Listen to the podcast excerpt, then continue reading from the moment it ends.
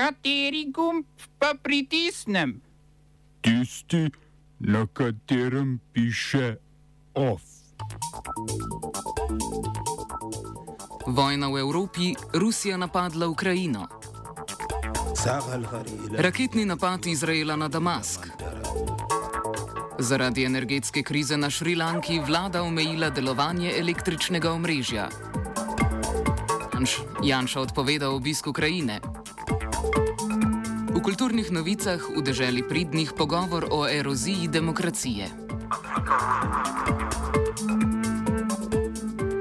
Rusija je danes zjutraj z več smeri napadla Ukrajino.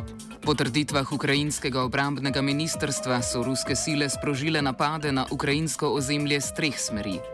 Najmočnejše sile naj bi bile trenutno usmerjene na drugo največje ukrajinsko mesto Harkov na severovzhodu države.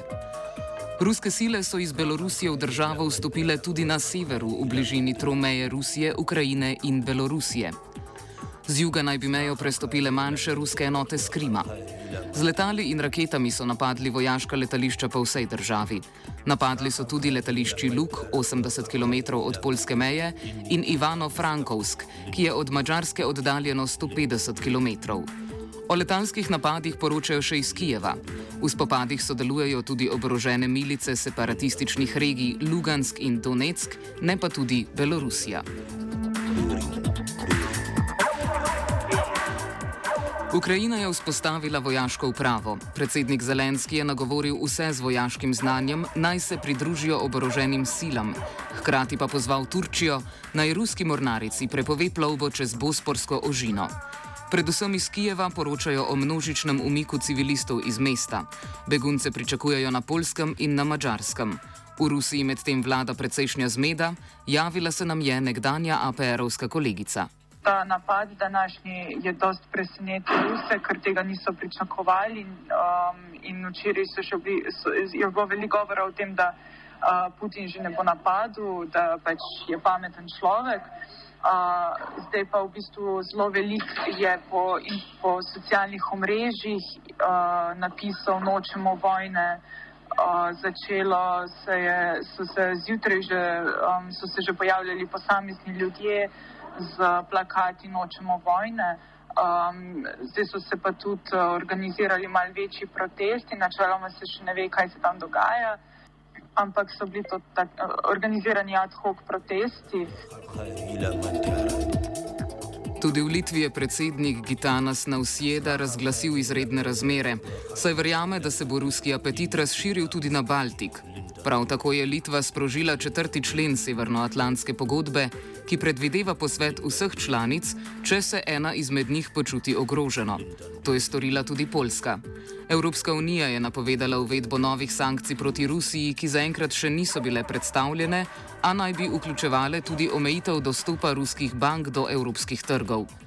Določene sankcije pa so bile sprejete že v sredo, ko je Evropska unija zamrznila rusko premoženje v Evropi ter omejila trgovino. Ameriški predsednik Joe Biden je prav tako napovedal nove sankcije. Kitajska vlada, sicer ukrajinski največji trgovinski partner, je vse akterje v tem sporu pozvala k zadržanosti in razložila, da sicer invazije ne podpira.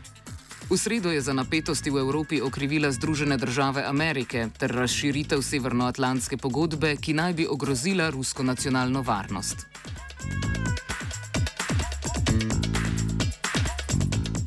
Od novih vojn k starim. Izrael je izvedel letalski napad v bližini sirske prestolnice Damask, v zračni operaciji pa je z raketami ubil nekaj vojakov. To je že četrti izraelski letalski napad na Sirijo ta mesec. Izrael trdi, da so cilj napadov iranske vojaške sile, ki podpirajo sirsko vlado.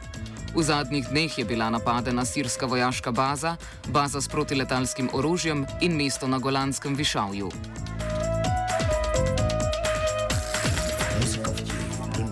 Saudsko državno naftno podjetje Aramco je prodalo 49 odstotkov delnic plinovoda, vrednih kar 15 milijard evrov, ameriškemu podjetju, finančnemu skladu BlackRock.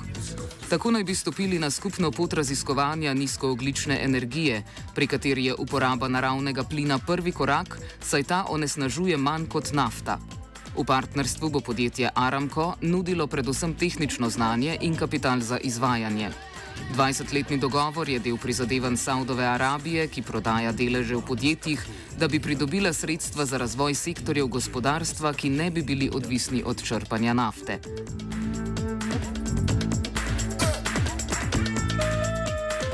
Komisija za javne službe na Šrilanki, ki je zadolžena tudi za oskrbo z električno energijo, je zaradi finančne krize omejila delovanje električnega omrežja. Zaradi pomankanja sredstev vlada na trgu ne more dokupiti nafte, ki bi jo potrebovala za proizvajanje elektrike.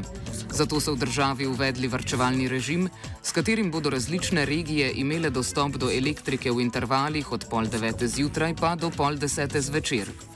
V ponedeljek in torek je bilo delovanje ustavljeno za dve uri, v sredo pa za štiri. Finančna kriza pa ne vpliva le na proizvodnjo elektrike, temveč tudi na uvoz drugih dobrin, kot sta kuhalni plin in mleko v prahu. Omejen je tudi dostop do goriva za prevozna sredstva. Uh, oba, če, če bom odgovoril na angliški.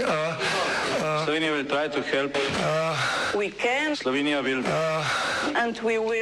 naš utmost, da bo rekla, da je situacija naš problem, sami. In da bomo naredili nadaljnje korake, as soon as the conditions are. Bomo vlado Marjana Cererera Šarca podprli. Very, very serious. News from Slovenija. We know how and we will.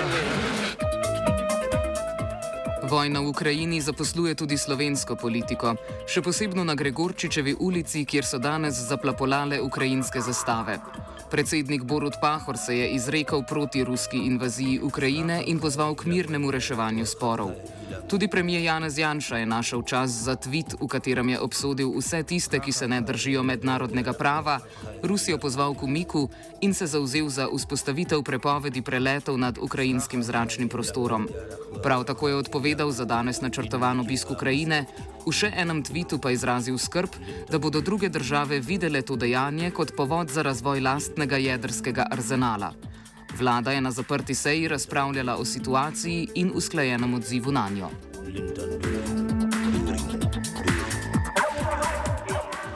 Študentska organizacija Slovenije, bolj znana pod kratico ŠOS, ima novo vodstvo. Na virtualni skupščini so študentski poslanci in svetniki za novo predsednico potrdili Marike Grubar, nov generalni sekretar pa je postal Rok Petrič. Kot je znano, je bil ta obtožen spolnega nadlegovanja opozicijskih kandidatk na filozofski fakulteti leta 2016. Skupščina je potrdila tudi finančni načrt za prihodnje leto. NSI je z vso silo vstopil v ultravolilno leto 2022. Njeni poslanci so danes v parlamentarno obravnavo vložili novele več zakonov, ki naj bi razširili socialno pomoč. Med drugim bi radi staršem dveh ali večjih otrok omogočili koriščenje pravice do krajšega delovnega časa do skupno 20 delovnih ur na teden, uvedli 75 dni očetovskega dopusta, od katerega bi lahko očetje 60 dni izkoristili do otrokovega osmega leta. Povečati želijo dostop do državnih štipendij in zagotoviti hitrejše vključevanje brezposelnih na trg dela.